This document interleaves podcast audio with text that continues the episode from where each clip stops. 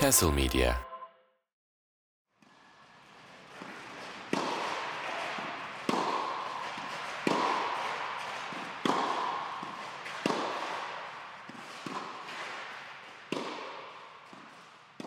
bu girişiyle ilgili bir takım şeyler düşündüm. Bir, yani hani benim az çok kim olduğumu biliyor ya insanlar. Sen kendi kim olduğunu anlatmak ister misin diye bir bunu düşündüm. Ama hani anlat diye söylemiyorum hemen. İkincisi gizemli kalmak da olabilir çünkü. Ondan sonra ama bir yandan da hani niye bazı şeyleri ben sana sordum onları sorarken söyleyeceğim işte sen mesela oynuyorsun ya şu anda ya da oynamaya devam ettin. Mesela ben işte kardeşimle birlikte başladım 18 yaşında o da 11'de ve böyle çok yoğun oynayıp sonra iki sene hiç oynamayıp sonra bir daha bir dönüp böyle hiç tenisin yapılmaması gerektiği bir şekilde anladın mı? Çünkü o zaman böyle bildiğinle geri döndüğün zaman da bir ham halini hiç tanımıyorsun. Ve yaşın ilerledikçe yani sürekli aslında azıcık azıcık enstrüman çalmak gibi yapsan iyi olur bir spor ya. Sen onu daha becerdiğini düşünüyorum ben seni takip eden birisi olarak. O yüzden de mesela o soruların sana niye soracağımın bende bir karşılığı var falan. Ondan sonra bir bunları düşündüm. Ama böyle bir neydi o eski toprak kortlar gibi muhabbet yapmak gibi değil. Direkt böyle en son takip ettiğimiz turnuvalar da belli. Onlar üzerinden dağın diye de girebiliriz diye düşündüm.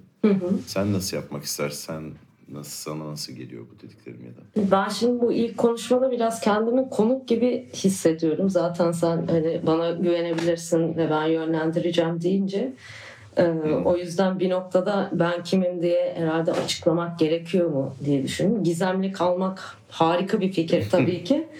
Ama bir sürü şey konuştuktan sonra da bu kız kim hani nereden bu kadar çok şey biliyor ya da niye hiçbir şey bilmiyor'nun da bir açıklaması belki de olması gerekiyor. Evet. O yüzden de herhalde faydalı olur değil mi? Evet bir- yani hani Google'lasınlar mı sen mi kendini tanıt da bir seçenek çünkü bununla alakalı ama yani bu bu da acelesi olmayan bir şey bir yandan hani sadece sen aradan anlatmak istersen anlatabilirsin.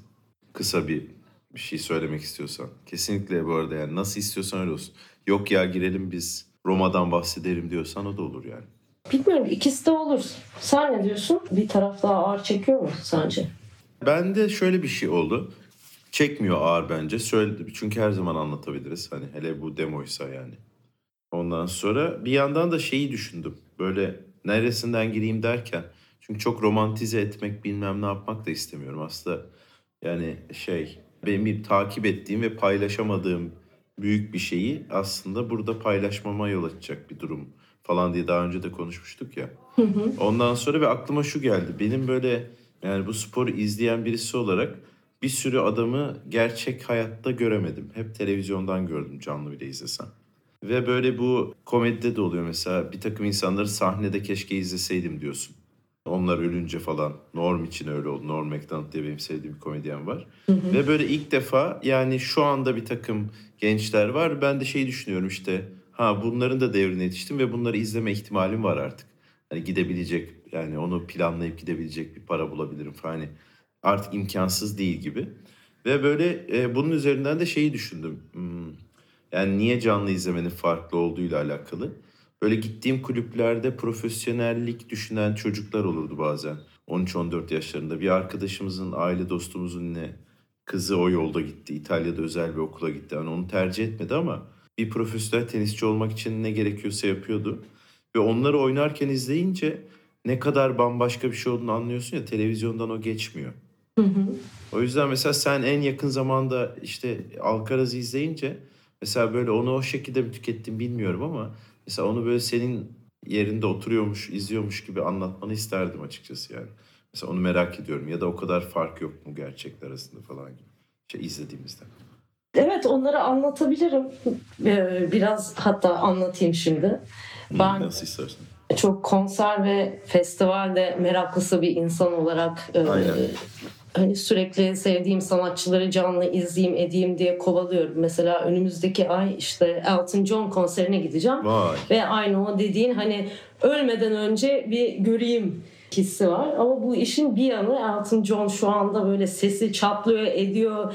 Canlı performansı hani yerlerde diyorlar yani. Ama yine de hani ölmeden gördük onu böyle bir hani çocuklarına, arkadaşlarına anlattığım bir hikaye gibi.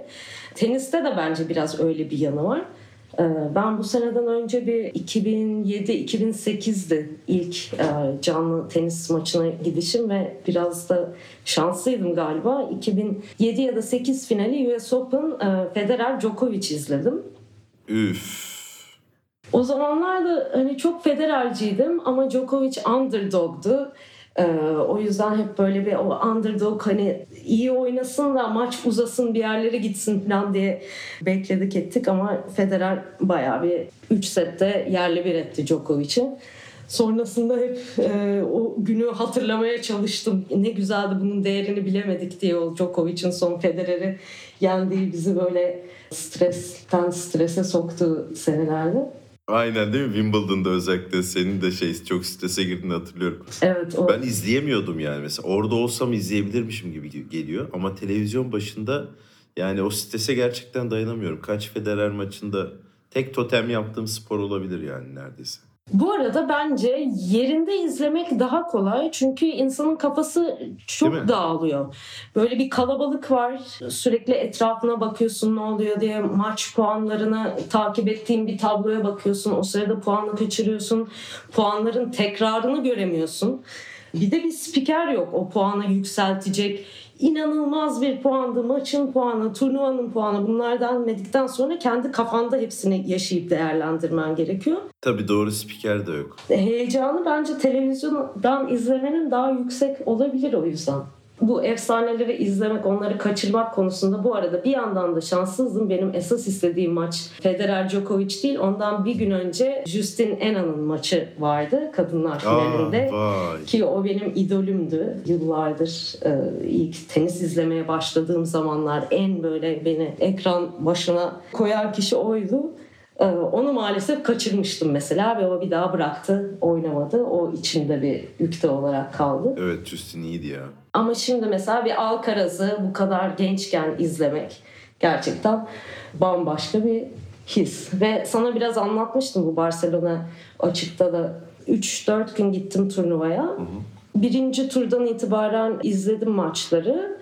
Üçüncü gün en son Alcaraz çıktığında sanki artık başka bir oyun izlermişiz gibi değişti gerçekten seviye. Vay canına. Hız, atletizm, ne görüntü de değişiyormuş gibi oluyor çünkü Alcaraz oynarken mesela. Ya geçen bir yerde gördüm bu terimi. Hollywood shots diyorlar. Böyle bir ha. hani tenisten anlamayan kişi için bile, çok takip etmeyen kişi için bile acayip çekici olabilecek işte o drop shotları var topu bir anda hani raketini kendinin etrafından döndürerek vuruyor topa, zıplıyor. Atletik o kadar ilginç hareketler yapıyor ki ya da imkansız böyle onu bunu asla yakalayamaz dediğin topları gidiyor, yakalıyor, ediyor. Bunlar gerçekten her izleyici için, genel izleyici için müthiş eğlenceli ama seviye olarak da hani çok teknik ve çok profesyonel bir bence bir izleyici ya da oyuncu için de çok da takdir edilesi bir seviyesi var. Şeyi düşündüm mesela bu işte kulüplerde oynayan pro olabilecek gibi olan yetenekli çocukları izlerken falan. Onların o swing'i işte topun çizdiği lob falan her şey hemen böyle bir kalite ve pratik görüyorsun ya teniste. Görebiliyorsun yani hı hı. oynayan insanları, normal insanları izlerken. Ve böyle bir işte o seçmeyen aile dostumuzun kızını da niye seçmediğini de mesela bu Alcaraz'ın işte teniste yatıp kalktığı gibi şeyler anlatılıyor ya biraz bakınca. Hı hı. İşte bir akademi var zaten. Buna sen burada kal demişler. Yani o kazandığı parayla ev almamış. Bilmem hala orada akademide kalıyor falan böyle bir tenisi keşiş gibi neredeyse yaşayan bir şeyden bahsediyorlar ya. Bu da böyle bir yani çocuk çok öyle gözükmüyor bu arada. Bende bir kafa açan bir tarafı yok bunun. Ama mesela bu hem çok iyi yetenekli olduğun bir işi hem de kazara seviyor olman mesela çok büyük şans. Onu böyle bulup üzerine gidebilmek falan. Ben bazen kendi işimle ilgili acaba böyle bir match olabilir mi diye düşünüyorum. Kendim seviniyorum falan hatta ama yani onu da kaldırabilecek bir herife benziyor. Sadece sağdakini değil. Yani o kısmı da çok ilginç. Çünkü bir önceki kuşak sanki daha böyle Federer, Nadal, Djokovic oradan yılıp biz böyle yaşamayacağız tenisçiliği gibi takılıyorlardı. Hı Tsitsipas falan hani öyle açıklamalarını hatırlıyorum. İşte gittiği turnuvalarda geziyormuş mesela. Ben buraya hani hep geleceğim belli değil falan gibi kafayla dinlenmek yerine gibi. Ondan sonra işte Blow vardı, YouTuber gibi takılıyordu falan. Ve onların yaklaşımıyla bu bir sonraki jenerasyonun yaklaşımı arasında fark var ve tabii ki genç, daha konsantre, biraz daha adanmış ya da onun içinde onun dengesini daha farklı bulmuş oyuncular da geliyor gibi. Sen Justin deyince şeyler de aklıma geldi. Kadınları da bayağı takip ediyorum ben.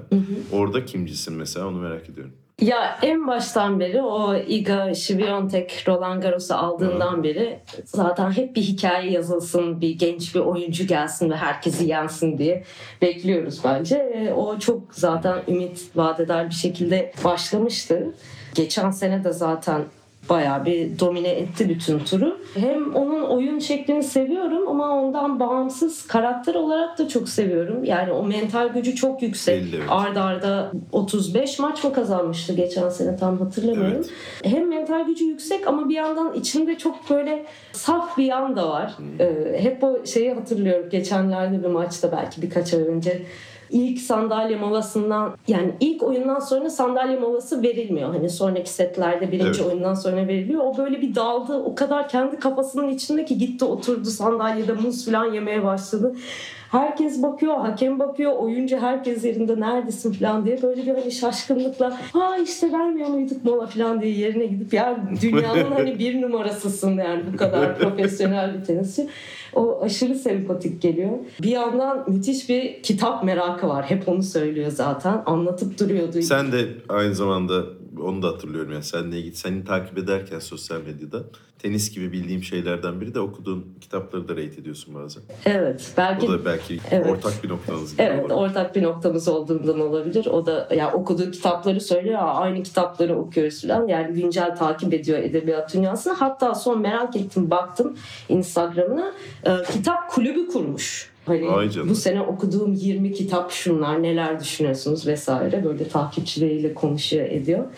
O kısmı da yani tenis dışında bir dünyası olması da hoşuma gidiyor.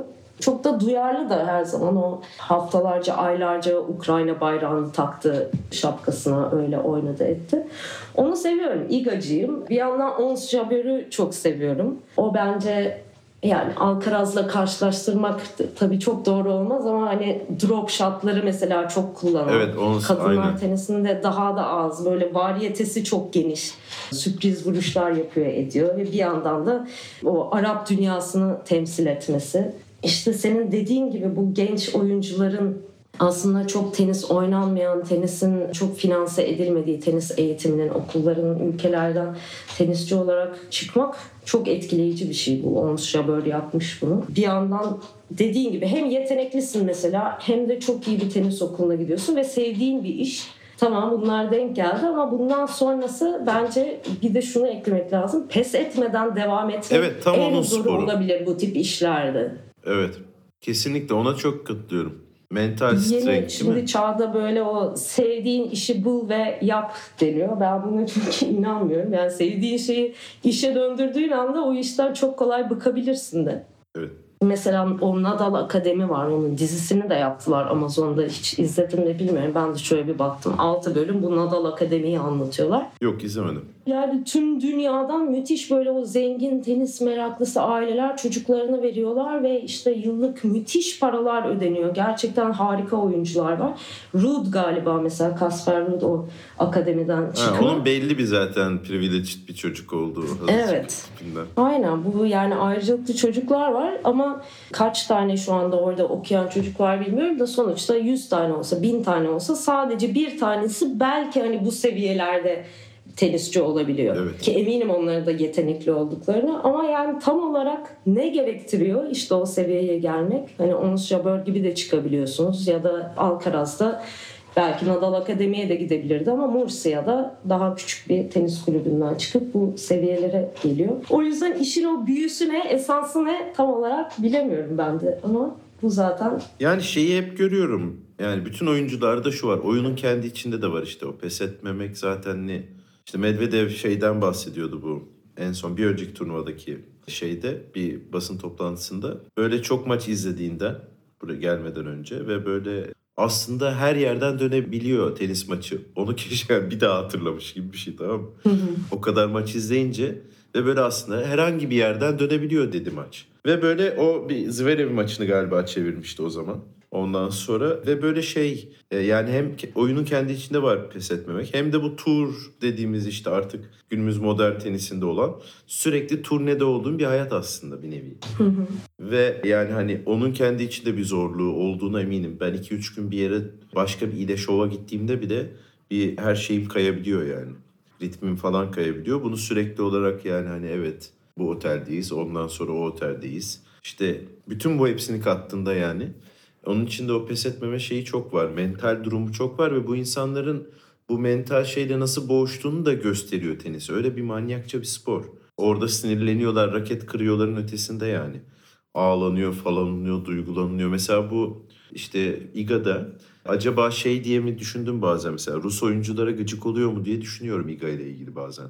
Acaba diyorum onlara bir şeyi var mı diye tamam mı? Böyle bir yani on, çünkü bununla ilgili bir fikrin olabilecek kadar data edinebiliyorsun aslında oyuncularla alakalı. O soğukkanlılıklarından bahsediyorsun Rus oyuncuların. E, yo Rus oyunculara karşı mesela bu Ukrayna muhabbeti yüzünden atıyorum. Hmm. Biraz daha tepkili olan oyuncular olmuş mudur? Çünkü daha böyle yüz yüze kaldığım bir spor ya tenis. Hı Bir nevi. Ondan sonra o yüzden böyle bir sürü yani bir sürü motivasyon da giriyor karşındaki işte yok anneme Twitter'da şunu demişti o yüzden de yenmek isteyebiliyorsun bazen. Ve böyle şey onun da gölgesi bu kadar düşmüyordu eskiden. İşte bir savaşın Wimbledon'ın geçen sene olması mesela geçen sene Rus oyuncuların gelmesi falan gibi istenmemesi. Ondan sonra bu sene de mesela şey ben iki tane sevdiğim oyuncu Rus olduğu için biraz onların nasıl işte bu beyaz bayrak taktılar falan onların da bu durumda nasıl mücadele ettiğini nasıl açıklamalar yaptıklarını yani hem evi yakmayalım hem de yani durumu da doğru düzgün açıklayalım için falan. Ondan sonra Medvedev'in mesela bu konuda yine şeyini gördüm yani bu sene böyle her türlü karara saygılıyım daydı daha çok. Medvedev'i biliyorum sevdiğini. Diğeri de Rublev mi acaba? Ay, Sabalenka'yı seviyorum. Hı. De. Ben de kadınlardan. Sabalenka'yı da şu yüzden seviyorum. Özellikle böyle bazen potansiyel gösterip onu bir türlü beceremeyen oyuncuları da seviyoruz ya. Evet. Yani mesela Del Potro da vardı bu. Ondan sonra e, biliyoruz yani çok iyiler ama bir sebepten ya da Krios da oluyor bazen biraz. Hı hı. Ondan sonra ve Sabalenka'yı da hep böyle hani hard hitter, dandon vuruyor. Ondan öteyi götüremiyor gibiydi. İlk defa işte bu sene birazcık daha iyi oynamaya başladıkça basın toplantılarında da biraz daha böyle bir yani aslında ne kadar zor bir mücadele olduğunu hepsi için ayrı ayrı görüyorsun yani. Sabalenka'yı çok açık açık izledik ama yani o verdiği psikolojik mücadeleyi o Evet değil mi? 25-26 yaşında herhalde aslında evet. neredeyse tecrübeli bir oyuncu ama yani senelerdir onu hep bir noktaya kadar getirir her şeyi ve sonra double evet. fault yapmaya başlar. Hani bir Tabii. anda yüzünde o böyle görürsün yani o çöküşünü falan. Tabii lanet olsunlu görürsün. Bu sene de bir şekilde yani onu bir kere aştı ama evet. Avustralya açık finaliydi Ribakina ile herhalde. Orada da yine oraya doğru gidiyordu iş. Uzadıkça uzadı maç. Sabalenka servisleri atabilecek mi? Yine atamadığı oldu. Daha sonunda onu aldı ve o eşi galiba orada geçti. Yıllardır yapamadığı şey bir şekilde belki mental olarak onunla başa çıkma formülünü buldu diye düşünüyorum. Evet ben de onu izlemeyi sevdim işte. O bana bir sempati yani evet. o mücadelesi daha sempatik geldi. Bu sene de mesela Iga karşısında hani öyle bir canavar olmazsa zaten yenebilecek kimse yok gibi olduğu için en azından bir rekabet çıkması iyi oldu yani. Çünkü Iga Silindir gibi 3 sene de böyle gidebilir gibi oynadığı için sürekli. Evet. Bir de neler yaşadığını hiç fark etmediğimiz Ribakina var. Bence o da... Evet. Ribakina'yı da seviyorum arada. Tamamen kapalı olduğu için bence ilginç. Ee, çok evet. Wimbledon'dan sonra hani kadın Grand Slam aldı ve bir gülücük bile hani atmadı gayet soğuk donuk bir şekilde durdu diye çok eleştirdiler ettiler ama bence o duruşu da çok ilginç. Neler yaşıyor içinde. Evet hani o da çok Sabalenka iyi. gibi bu kadar açık olması da güzel ama bir makinenin kapalılığı da beni ayrı bir çekiyor kesinlikle. Evet bir balerinmiş falan gibi neredeyse. Yani çok böyle iyi bir eğitim alınmış öyle bir yani bir şeyle yaklaşıyor gibi hissediyorum yani. O çok net ayrı zaten. Bu da atletik bir mücadele gibi. Mesela Rebekine izlerken spor biraz daha atletizm gibi oluyor neredeyse. Tamamen bir performans ya da dans o yüzden aklıma geldi yani. O da sevdiğim oyunculardan bir şey yani kadınlar da bayağı iyi bu sene. Yani hep iyiydi zaten rekabet olarak da. İkisini aynı anda aynı yoğunlukla takip eder hale geldim. Evet. Bazen daha bile eğlenceli oluyor. Ya böyle bir üçlü rekabet oluştu. O da benim hoşuma gidiyor. İşte Şibiontek vardı geçen sene. Bu sene artık o Rybakina ve Sabalenka da işin içine girince hani zaten uzun zamandır senelerdir hani bir tane istikrarlı kadın oyuncu bile çıkmıyor diyorduk. Şu an o Şibiontek onu biraz geçti gibi bir de yanına birkaç isim eklenince umarım daha çok izleyebileceğiz kadın tenisinde.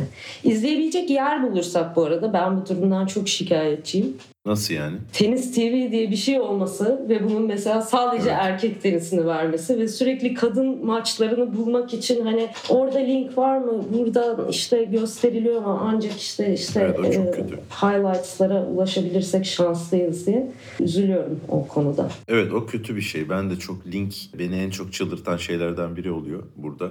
Eskiden daha rahat rahat izlediğim zamanları özlüyorum yani. Bazen böyle ne canlıysa onu izliyorum. Hani praktis falan da çok izlediğim oluyor. Peki biraz da Roma konuşalım bence. Hazır drawlara baktım mı bilmiyorum. Baktık dün en böyle- son insanlar geri sayımdaydı.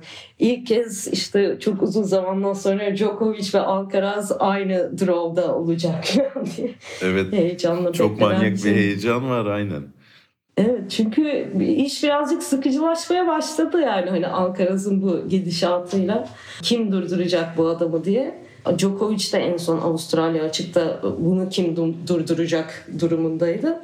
İkisi de aynı turnuvalarda oynamadılar. Geçen sene Mayıs'ta Roland Garros'tan sonra. O yüzden umarım harika olacak o ikisini beraber izlemek. Evet benim de en yani şey çılgın atacak turnuvalardan biri bu belli ki Roland Garros'tan önce. Böyle aşırı şeyle bekliyorum ya. iştahla bekliyorum yani. Evet. O, o da onunla maç yapar falan. Dün böyle şeye bakıyordum işte. Yani bir de bitmiyor ya ilk tur çok kalabalık zaten. Evet. Öyle katılım olan bir şey de olunca. Ee, bayağı boks maçı gibi bir şey oluyor beklenti. Alcaraz'la Djokovic'in mesela. Evet aynen öyle. Ee, Madrid'i bu arada kaçıran çok oyuncu oldu ya da başka turnuvaları tercih ettiler zaten. O yüzden de belki sonuçta çok büyük o oyuncuların maçlarını izlemedik ama Roma'da farklı olacak. Zaten sonrası Roland Garros'ta bir de Nadal eklenirse tadından yenmeyecek herhalde değil mi? E, evet ya Nadal da çok evet ama böyle çok geçen Federer'in de şeyini okudum ya Nadal'sız Roland Garros mu olur falan gibi. O da rahat ya artık hiçbir işte yani artık emekli oldu. Onun elediği raketini astığı için falan. Evet, Şey evet. e, yani bu arada böyle bir şey olacak işte. Yani bu kadar turnuva yoğun illa olmak zorunda değil. Arada çıkıp insanları da konuştuğumuz falan. Ben yani e, işte bu yapacağımız şeyin yani böyle akacağını düşünüyordum zaten. Ondan sonra belki yani uzunluk olarak da bu arada bana böyle bir şey gibi geliyor. 25 dakika Onu da oldu bedel. galiba değil mi? Aynen 25 oldu ve böyle şey yani mesela işte sonra da Roma turnuvası olduğu için zaten mesela o turnuva biraz ilerlediğinde o sırada da belki şuna baktım mı buna baktım mı diye biz aramızda da konuşup birbirimizi ayıktırıp yani hani. Evet Biraz biz şimdi biraz daha- daha böyle genel tenis konuştuk gibi Aynen. oldu.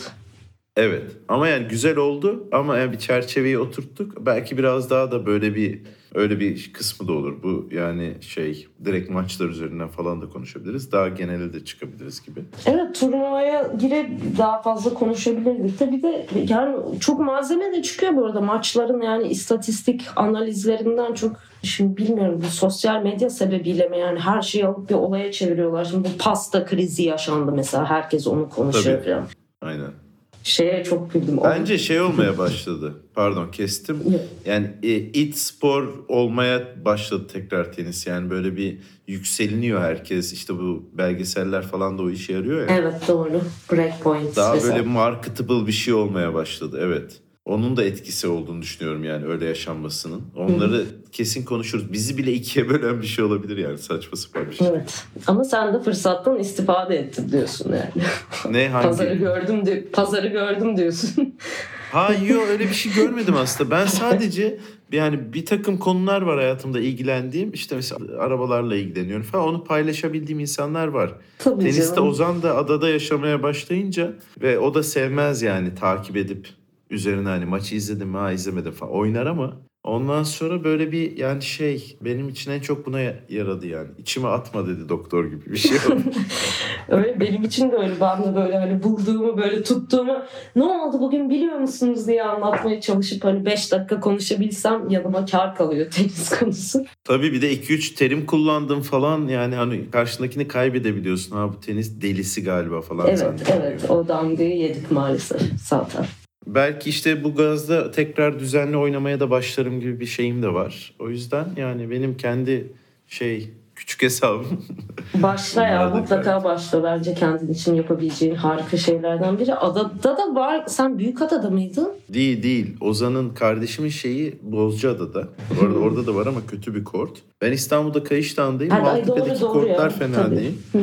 Aynen. Ama işte şey yani benim seviyemde birilerini bulmam lazım oynayacak. Ya çok yeni başlayan var ya da eskiden oynayıp bırakan var. Önce biraz ders ama ya en iyisi birkaç ders alıp. Evet evet tabii tekrar bir ısınmak işte birkaç duvar yaptım geçenlerde. Ondan sonra çok büyük bir sıkıntı çıkmadı yani böyle bir e, tek başına kiralayabiliyorsun gibi ya kiralamak değil de sana tesis edilmiş bir duvarın olabiliyor Maltepe'de 5-6 tane var. Süper. Dolayısıyla işte smaçta bilmem de hepsini çalışabiliyorsun ya öyle bir 45 dakikalar yaptım birkaç tane. Çok bir yerim çekmedi. Böyle birkaç derse tekrar hatta raketi falan da değiştirip başlamak, geri dönmek istiyorum yani. Dön, toprak mı sert miydi orada kortlar? Yani oradakiler sert ne yazık ki. Ondan sonra toprak yani toprak bir tek modada falan çok az kort var abi hiç konuşmak istemiyorum bu konuyu ama çok az kort var ve daha azalıyor yani gittikçe. Eskiden daha çok var diye inanamıyorum yani. Yani güzel yerler açılıyor aslında. Ben de son İstanbul'da olduğum bir 2-3 sene turnuvaları böyle federasyon yaptığı turnuvaları takip etmeye başladım. Yani oyuncu olarak girdim. Çok güzel oldu böyle. Her kulübü geziyorsun mahalledeki. Hmm. Bayağı güzel yerler vardı. Özellikle Anadolu yakasında çok iyi yerler var. Hadi ya. Yer dışında dur isimlerini hatırlamıyorum. Sana yazarım. Ee... Ya Göztepe'deki eskiden Göztepe'de olan çok iyiydi gül bahçesi kortları. Oraya metro çıkışı yapıp orayı yıktılar. Hmm. Onlara baya böyle şey yabancı sporcu falan geliyordu çalışmaya arada. Yani oradan geçiyorsa bildiğin en büyük korttan vardı, tribünü vardı falandı filandı. Ben rakette oynardım Caddebostan'da. Hı Ondan sonra sonra Kalamış'a transfer olmuştuk. Rakette şimdi yine oynanabiliyor ama toprak yok.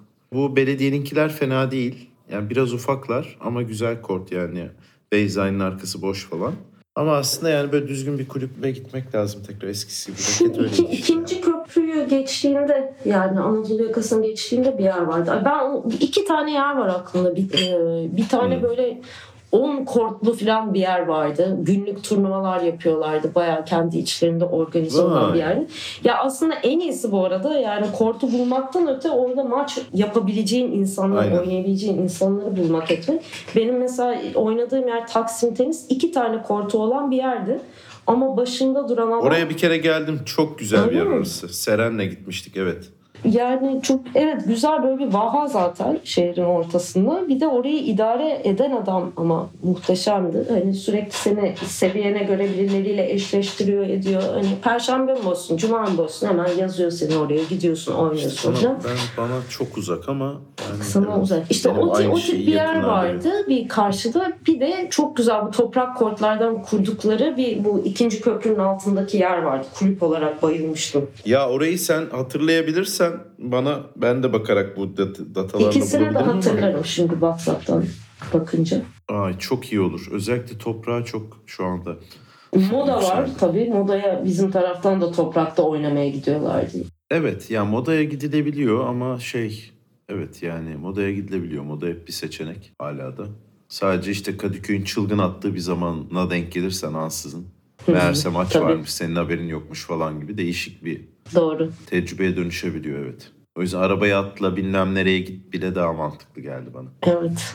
Ben de buraya gelince şey olacak zannediyordum da İspanya her yer işte kortlarla dolu. Herkes tenis oynuyor şu an. Yine de şehir merkezinde yok kortlar. Her şey şehir dışında ve aşırı pahalı maalesef.